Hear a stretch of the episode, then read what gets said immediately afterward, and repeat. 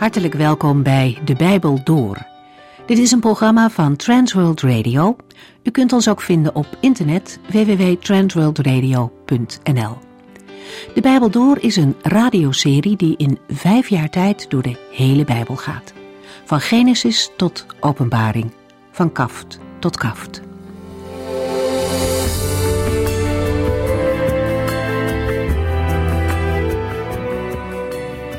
Ook deze aflevering gaat over het Bijbelboek Jesaja. In hoofdstuk 21 spreekt deze profeet opnieuw over Babel. Deze profetie en de volgende spelen zich af in de periode dat Hiskia in opstand komt tegen de Assyrische overheersing en een verbond probeert te sluiten met de opkomende grootmacht Babylonië. Jezaja ziet wat er gaat gebeuren met Babel en geeft aan dat het vreselijk is om te zien. De val van Babel zal talloze slachtoffers met zich meebrengen. En terwijl Jezaja emotioneel en zelfs lichamelijk diep geschokt is over Gods plannen met Babel, plannen de Babyloniërs zelf onbezorgd hun feestjes. Ze houden in geen enkel opzicht rekening met God. Het is een plaatje dat vaker voorkomt. In de tijd van Noach waren mensen druk bezig met hun eigen dingen. Ze vierden feest, ze werkten en hadden spot met Noach. God hield zich aan zijn woord en het oordeel kwam. Petrus houdt ons voor dat het in de laatste dagen net zo zal gaan. Mensen gaan hun eigen gang en denken niet aan God. Maar als christenen mogen we net als Noach en net als Jezaja standvastig blijven hopen op Gods belofte. Want we weten dat God zijn woord zal houden. Die wetenschap mag ons ook aansporen om over het evangelie te praten, zodat mensen weten dat de redding mogelijk is. God zal uiteindelijk de wereld oordelen en het zal vreselijk zijn, maar er is een uitweg, er is uitkomst bij diezelfde God. Ieder mens die zijn vertrouwen op Hem stelt, zal gered worden en dan mogen delen in Gods heerlijkheid. Jezaja spreekt over de vernietiging van Babel alsof hij erbij was. En toch spreekt hij deze woorden 200 jaar voordat het gebeurde. Opvallend in de oordeelsprofetieën is ook dat Jeruzalem genoemd wordt. Na de profetieën over Egypte, Babel, Duma en Arabië volgt het oordeel over Jeruzalem. Het gebeurt waarschijnlijk omdat de stad haar vertrouwen niet op God stelt, maar uitgaat van eigen kracht en een alliantie met Babel. En daarmee verlaagt Jeruzalem zich tot de positie van de omringende volken. We lezen verder vanaf Jesaja 23.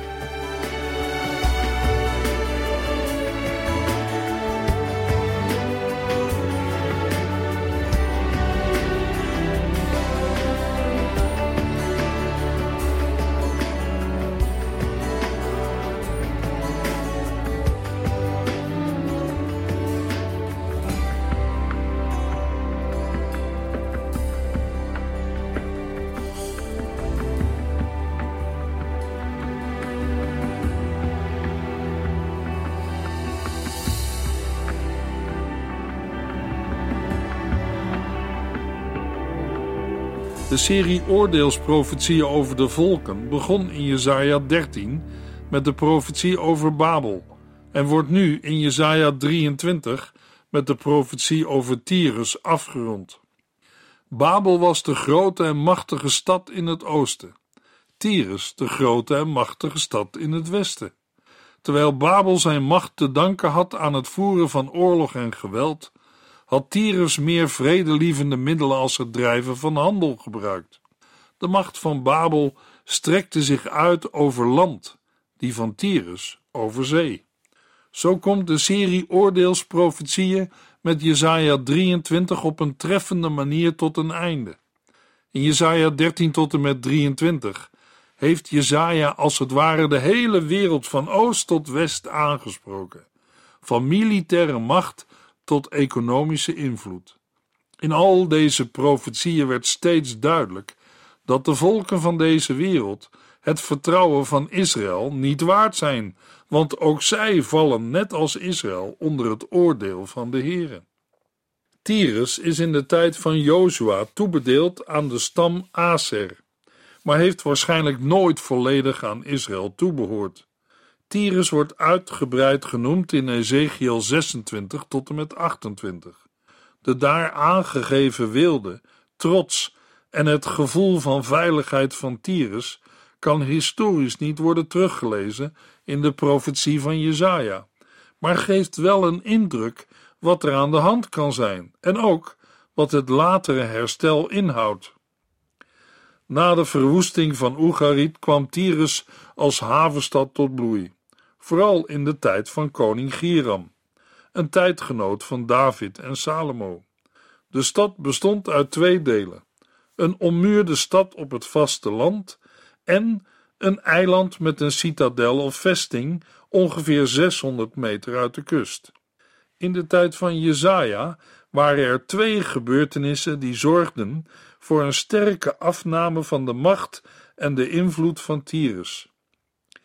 Ten eerste was dat de capitulatie van Cyprus voor de Assyriërs, en ten tweede de onderwerping van Frigië aan Assyrië.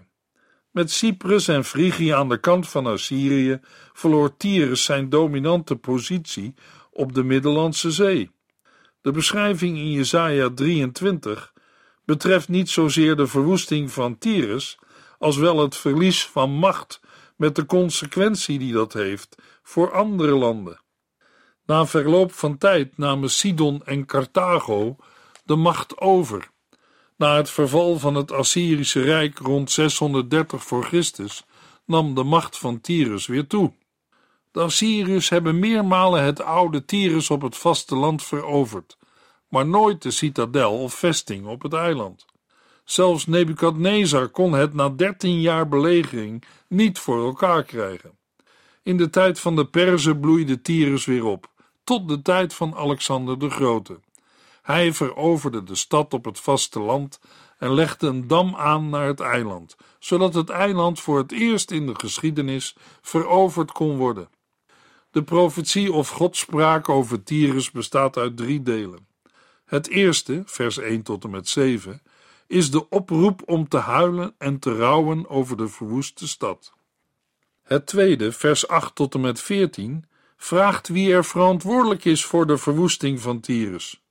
Het antwoord volgt direct in vers 9 en wordt uitgebreid in de volgende verse. Het derde deel, vers 15 tot en met 18, benoemt de verwoesting van Tyrus, maar vult die aan met profetieën over het herstel van Tyrus. Jesaja 23, vers 1. Dit is Gods profetie over Tyrus.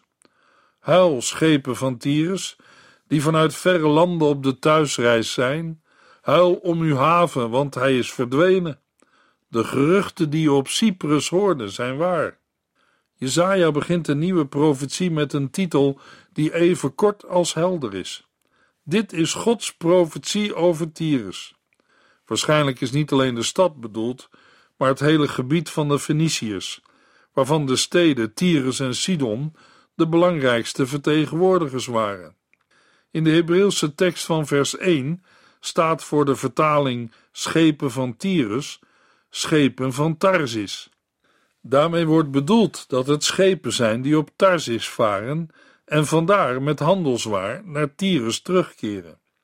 In de Hebreeuwse tekst van Jesaja 23 wordt Tarsis vier keer genoemd. Er zijn veel theorieën over de ligging van de plaats die in verband wordt gebracht met zilver en andere delfstoffen. De bemanning van de schepen moet huilen en jammeren, want Tyrus is verwoest en verdwenen. De schepen komen terug, maar er is geen haven meer en er staat geen huis meer in de stad. Er is geen plek meer om te rusten. De geruchten die u op Cyprus hoorde, zijn waar. Kennelijk hoorden de schepelingen op hun terugreis al berichten over de verwoesting van hun stad en haven, waarmee de oude stad op het vasteland zal zijn bedoeld. Jesaja 23 vers 2 en 3 Overal heerst een doodse stilte. De geluiden van de rumoerige haven, vol schepen uit Sidon, die koopwaar van over de zee uit Egypte en het gebied langs de Nijl aanvoeren, zijn verstomd. U was de grootste handelsmarkt ter wereld. Het huilen en rouwen wordt niet alleen aan de schepelingen opgedragen. Maar ook de bewoners van het kustgebied krijgen die opdracht. Ook zij moeten rouw bedrijven. Jezaja schildert dat handelaars uit Sidon over de zee koopwaar brachten naar Tyrus. Waarschijnlijk moet hierbij specifiek aan graan worden gedacht dat in overvloed langs de Nijl kon worden verbouwd, maar in Fenicië schaars was. Het was een handelsproduct waarmee Tyrus rijk is geworden door het aan andere volken door te verkopen. Tyrus behoorde tot de grootste handelsmarkt ter wereld, maar het rumoer van de havenstad was niet meer te horen. Overal heerst een doodse stilte. Jesaja 23 vers 4 Schaam u, Sidon, bolwerk van de zee, want nu bent u kinderloos. In vers 4 wordt Sidon als stad die verbonden is met Tyrus opgeroepen zich te schamen. De reden is dat zelfs het bolwerk van de zee, waarmee Sidon wordt aangeduid, kinderloos is. De verwoesting van de stad is zo compleet, alsof ze nooit geluk en voorspoed heeft gekend. Jezaja gebruikt het beeld van een vrouw die jammert en huilt over haar kinderloosheid. Zij verklaart dat ze nooit weeën heeft gehad en niet heeft gebaard en geen kinderen heeft opgevoed. In deze personificatie drukt Jezaja uit dat ondanks de grote welvaart die Tyrus heeft gekend, de situatie zo zal zijn dat geluk van de geboorte van een kind volkomen is vergeten. In vers 4 vinden we ook de gedachte dat Tyrus een dochter van Sidon is. Vandaar dat Sidon wordt aangesproken met de woorden: Want nu bent u kinderloos. Jesaja 23, vers 5 tot en met 7. Als dit nieuws Egypte bereikt, zal het veel angst veroorzaken. Vlucht naar Tarsis, mannen van Tyrus, en huil onderweg. Deze verlaten ruïne is alles wat overbleef van uw eens zo luisterrijke stad. Het einde van een roemruchte geschiedenis. Denk eens aan alle kolonisten die u naar verre landen stuurden. Zelfs in Egypte beven de mensen bij de berichten over de verwoesting van Tyrus. Want zoals Sidon afhankelijk was van de handel die vanuit Tyrus werd gedreven, zo was het ook met Egypte. Al eeuwen waren er goede handelsbetrekkingen tussen de farao's van Egypte en de Feniciërs. Met de val van de stad werden alle handelswegen naar het noorden afgesneden. Daarnaast kan Egypte ook de dreiging van de oprukkende legers hebben gevoeld. De bewoners van het kustgebied worden opgeroepen te vluchten naar Tarsus. Maar vanwege de verwoesting kunnen zij dat niet meer. Laten zij daarom huilen. In de Hebreeuwse tekst vraagt Jezaja op ironische wijze naar de stad die verwoest ligt: Is dit nu uw vrolijke stad? Het wijst op de arrogante toewijding van de bewoners van Tyrus aan plezier. Het vormt een scherp contrast met de stilte van de verwoeste stad. Tyrus bestond al zo lang dat niemand er rekening mee hield dat de stad zou verdwijnen. De stad was welvarend en had zelfs kolonies gesticht. Er was geen reden om aan te nemen dat de welvaart ooit een einde zou kennen. Maar nu is er niets meer van Tyrus over. Jesaja 23 vers 8 Wie heeft deze ramp over Tyrus gebracht? Over dit land dat koninkrijken schiep en wiens inwoners de belangrijkste kooplieden ter wereld waren. Wie was machtig genoeg om deze vesting in de zee in te nemen en te verwoesten? Met deze vraag roept Jesaja spanning op. De vraag wordt uitgebreid met nog een vraag, om de macht van Tyrus te onderstrepen. Het was een stad die koninkrijken schiep, dat wil zeggen, Tyrus kon zijn relaties machtig maken.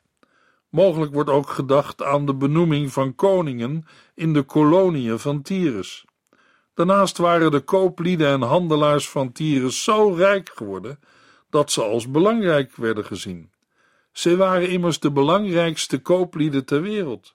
De macht van Tyrus was zo groot dat de handelaars werden gezien als koningen. Jesaja 23 vers 9 tot en met 11 De Heere van de hemelse legers heeft dit gedaan, om uw trots te vernietigen en zijn verachting te tonen over de hooggeplaatsten onder de mensen. Zeil maar verder, schepen van Tarsus, want uw haven is er niet meer. De Heere strekt zijn hand uit over de zee. Hij doet de koninkrijken van deze aarde beven. Hij geeft bevel de vestingen in Canaan te verwoesten. Jezaja geeft direct antwoord op de vragen. Het is de Heere van de hemelse legers die dit besloten heeft. Wat trots en geëerd was, heeft hij vernederd en onteerd. Hoogmoed kan voor de Heere niet bestaan. Hij is de Heere van de hemelse legers. Menselijke schoonheid en trots zijn daarom misplaatst. De overeenkomst tussen vers 8 en 9 toont aan dat hier het antwoord op de vraag van het vorige vers wordt gegeven. Maar het antwoord is breder dan de vraag. Iedere vorm van trots of menselijke eer wordt door de Heere veracht en teniet gedaan. Het is niet eenvoudig te begrijpen wat Jesaja vervolgens in vers 10 wil zeggen. De eerste verklaring is dat Tarsus als voornaamste van de kolonies van Tyrus wordt aangesproken om van de nieuwe vrijheid die door de verwoesting van Tyrus is ontstaan te genieten. Tarsus kan nu gaan waar het wil. De onderdrukkende macht is er niet meer. Een tweede verklaring is dat het wegnemen van de haven de stad machteloos heeft gemaakt. Daarmee wordt aangegeven dat de kolonie zich niet meer kan verdedigen. Het antwoord van Jesaja wordt in vers 11 nog verder uitgewerkt. De profeet spreekt opnieuw over de Heere als verantwoordelijke voor de verwoesting. De God van Israël beperkt zich niet tot het land, maar beheerst ook de zee. Het uitstrekken van zijn hand wijst op een oordeel van de Heere. Zijn ingrijpen heeft grote gevolgen voor de koninkrijken die afhankelijk zijn van Tyrus. Het tweede versdeel is alleen goed te verklaren als wordt aangenomen dat Tyrus door zijn invloed de Canaanitische cultuur in stand hield. De Heere wilde aan deze cultuur een einde maken. Vanaf de verwoesting van Sodom en Gomorra is er, in ieder geval, de waarschuwing geweest om niet in de cultuur van Canaan op te gaan. De waarschuwingen in Leviticus en Deuteronomium zijn daar duidelijk over. Jesaja 23 vers 12 Hij zegt, U onteerde maagd, dochter van Sidon, zult nooit meer blij of sterk zijn. Zelfs als u naar Cyprus vlucht, zult u geen rust vinden. Wat de Heere zegt, gebeurt. Zijn woorden hebben kracht. Daarom kan Jezaja de situatie van Tyrus zo stellig beschrijven. De Heere maakt een einde aan de uitgelaten houding van de inwoners van Fenicië, waarvan Sidon de vertegenwoordiger is. Tyrus wordt aangesproken als dochter van Sidon. Wat in vers 4 wordt gesuggereerd, wordt in vers 12 helder verklaard. Tyrus is de dochter van Sidon. Sidon was de oudere stad en rijke kooplieden hadden vanuit Sidon de stad Tyrus gesticht en haar aanzien gegeven. Maar de vreugde van de welvaart zou verdwijnen. De stad is als een jonge vrouw die is onteerd. Dat kan betrekking hebben op zowel het seksuele als het sociale en juridische terrein. Er is geen reden meer voor vreugde. Laten de inwoners vluchten. Maar zelfs een vlucht over zee naar Cyprus zal geen rust kunnen brengen. Jesaja 23 vers 13 en 14 Want het zullen de Babyloniërs en niet Assyriërs zijn die Tyrus aanvallen. Zij zullen het belegeren, de paleizen met de grond gelijk maken en het herscheppen in een ruïne. Huil maar, schepen van Tarsis, want uw thuishaven is verdwenen. Denken de Feniciërs misschien nog aan het oordeel te kunnen ontkomen? Die hoop wordt hun ontnomen doordat in vers 13 wordt verwezen naar het land van de Galdeën, naar Babel. De Assyriërs hebben dat land verwoest, zo grondig alsof het nooit heeft bestaan. De torens die werden gebruikt bij een bestorming waren aan de onderkant uitgerust met stormrammen om de muren stuk te beuken. In het bovenste deel van dergelijke torens waren boogschutters opgesteld om pijlen de stad in te schieten en ladders neer te laten om de stadsmuur te bestormen. Zo konden vestingsteden worden ingenomen en verwoest. Het is niet zeker welke verwoesting er in vers 13 wordt bedoeld. Sargon hield in 710 voor Christus in het gebied van Babel een strafexpeditie. Zijn opvolger Sanherib richtte in 703 voor Christus veel schade aan in het land van de Galdeën. In 689 voor Christus verwoestte hij de stad Babel. Omdat de verwoesting van Babel in vers 13 een feit lijkt, zijn de eerste twee mogelijkheden het meest aannemelijk. Jezaja kondigt ook elders de ondergang van Babel aan. Net als Babel zal Tyrus het oordeel van de Heere niet ontlopen. Zoals de profetie begon, zo eindigt hij ook. Vers 14 vormt tegelijk de afronding van het voorgaande en de overgang naar het volgende. De schepen van Tarsus moeten jammeren, want hun vesting, de veilige thuishaven Tyrus, is verwoest en verdwenen. Jesaja 23, vers 15 tot en met 17. Zeventig jaar lang zal Tyrus worden vergeten.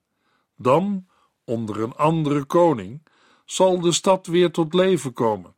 Zij zal mooie liederen spelen als een prostituee, die lange tijd vergeten was. Nu loopt zij weer door de straten op zoek naar minnaars en wordt weer herkend. Ja, na zeventig jaar zal de Heere Tyrus weer laten opleven. Maar zij zal niet anders zijn dan vroeger. Ze zal weer terugkeren op haar slechte wegen en hoererij bedrijven met de koninkrijken van de wereld. Het grote en machtige Tyrus, dat een onmisbare rol speelde in de handel van het hele gebied rondom de Middellandse Zee, wordt vergeten. Zeventig jaar lang zal dat duren. Tyrus zal zeventig jaar lang in ballingschap zijn. Na de genoemde periode komt Tyrus weer tot leven. En dat is alleen mogelijk omdat de Heere dat wil. Maar Tyrus zal van de kans om opnieuw te beginnen geen gebruik maken. Zij zal weer terugkeren op haar slechte wegen en hoererij gaan bedrijven met de koninkrijken van de wereld. Net zoals in de prostitutie voor geld alles mogelijk is en de vleeselijke lusten worden bevredigd, hebben de inwoners van Tyrus de winst en de persoonlijke bevrediging voor ogen. Op denigrerende wijze wordt de prostituee aangesproken als een vergeten hoer. Ze is niet aantrekkelijk meer en ze moet haar best doen nieuwe klanten te trekken. Ze moet rondgaan in de stad en alleen met muziek en zang maakt ze misschien nog kans op wat aandacht. Haar situatie is triest, maar treffend met betrekking tot Tyrus. Over welke tijd hebben we dan? Sanherib vermeldt dat hij in zijn derde veldtocht in 701 voor Christus de koning van Sidon overwon. Hij verwoestte de omgeving van Tyrus, maar kon het eiland niet innemen. Tyrus heeft toen veel schade opgelopen en kon zich pas ongeveer 70 jaar later herstellen. Dat wil zeggen na de dood van Assurbanipal en het verval van het Assyrische Rijk. Jesaja 23 vers 18 Maar de winst van haar handelstransacties zal aan de Heere gewijd worden. Zij zal geen voorraad kunnen opslaan, maar het zal tot voedsel en kleding dienen voor hen die bij de Heere wonen. Tyrus mag dan opnieuw gericht zijn op het eigen belang, maar al haar winst is voor de Heere. Daarom schenkt hij Tyrus herstel. De winst wordt zo aan de Heere gewijd dat zij, die bij de Heere wonen, er voordeel van hebben. Mogelijk wordt hierbij gedacht aan de priesters en levieten die in de bijgebouwen van de tempel wonen en in de tempel dienst doen. Ze kunnen van de winst eten en zich er prachtig van kleden. Tegen wil en dank blijkt de rijkdom van Tyrus vooral rijkdom te schenken aan het volk van God. Die gedachte werd eerder gevonden in Psalm 72, vers 10, al is er geen specifieke situatie bekend waarop deze profetie zou kunnen slaan. Een mogelijke situatie zou zijn dat Tyrus een bijdrage leverde voor de herbouw van de tempel in de tijd van koning Josia, of nog later voor de bouw van de tweede tempel zoals was gebeurd bij de bouw van de Tempel van Salomo. Jesaja 23 laat ons zien dat rijkdom gevaarlijk kan zijn. Het is vaak een bron van vertrouwen op eigen inzicht en kracht. Luisteraar, het is belangrijk dat ons bezit aan de Heere is gewijd. Anders gezegd, heilig voor de Heere is. En dat wij hem daarmee dienen. Jesaja 24 vers 1 Kijk, de Heere maakt de aarde weer leeg. Hij vernielt haar. Hij verandert haar aanzien en verstrooit wie daarop wonen. Terwijl Jezaja in het vorige deel, in Jezaja 13 tot en met 23, nog tegen de volken profeteerde, die hij bij naam noemde, volgt er in Jezaja 24 tot en met 27 een deel waarin het oordeel wordt aangezegd aan een vijand die naamloos blijft. De vier hoofdstukken vormen als het ware de climax van de meer specifieke profetieën tegen de volken. De profeet kondigt nu geen plaatselijk, maar een universeel oordeel aan over de trots van de volken. Door dit oordeel heen komt er verlossing, eveneens universeel van aard. Jesaja 24 fungeert als een overgang tussen de oordelen over de volken en de verlossing van Juda, die we lezen in Jesaja 25 tot en met 27. Het oordeel dat in de voorgaande hoofdstukken specifiek en plaatsgebonden was, wordt nu in algemene zin beschreven. De wereld als geheel wordt behandeld, waarbij de nadruk niet alleen ligt op het oordeel over de aarde, maar ook op de Heere die het oordeel uitvoert. Jesaja 24 is opgebouwd uit vier delen. In de eerste twee delen wordt de verwoesting beschreven. In Jesaja 24 vers 1 tot en met 6 wordt de aarde verwoest door de Heere en de stad in Jesaja 24 vers 7 tot en met 13 staat symbool voor de aarde. De stad ligt in puin. Daarna lijkt er ruimte voor vreugde, maar schijn bedriegt. Er blijkt nog steeds sprake te zijn van verraad dat een oordeel verdient. Jesaja 24 vers 14 tot en met 20. En aan het slot wordt duidelijk dat in het oordeel niets en niemand overeind kan blijven dan de Heer alleen. Hij is koning. Jesaja 24 vers 21 tot en met 23. In de volgende uitzending lezen we verder in Jesaja 24 tot en met 26.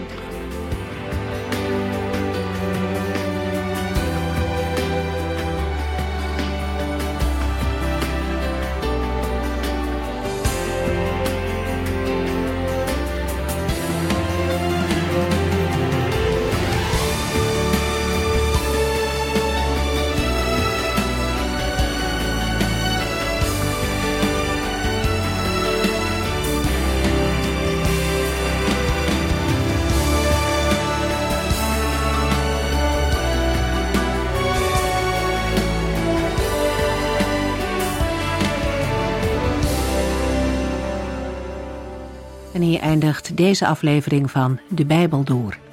Een serie programma's van Transworld Radio. Wilt u ons iets vragen of meer weten? Dan kunt u altijd contact met ons opnemen. Bellen kan overdag met 0342 478432. Per post Transworld Radio. Postbus 371. Postcode 3770. Anton Johannes in Barneveld. En e-mailen kan ook. De Bijbel door at transworldradio.nl En natuurlijk ook via onze website transworldradio.nl Dit programma werd gepresenteerd door Cor Weda en Ike André. En namens iedereen die er nog meer aan meegewerkt heeft, graag tot de volgende keer.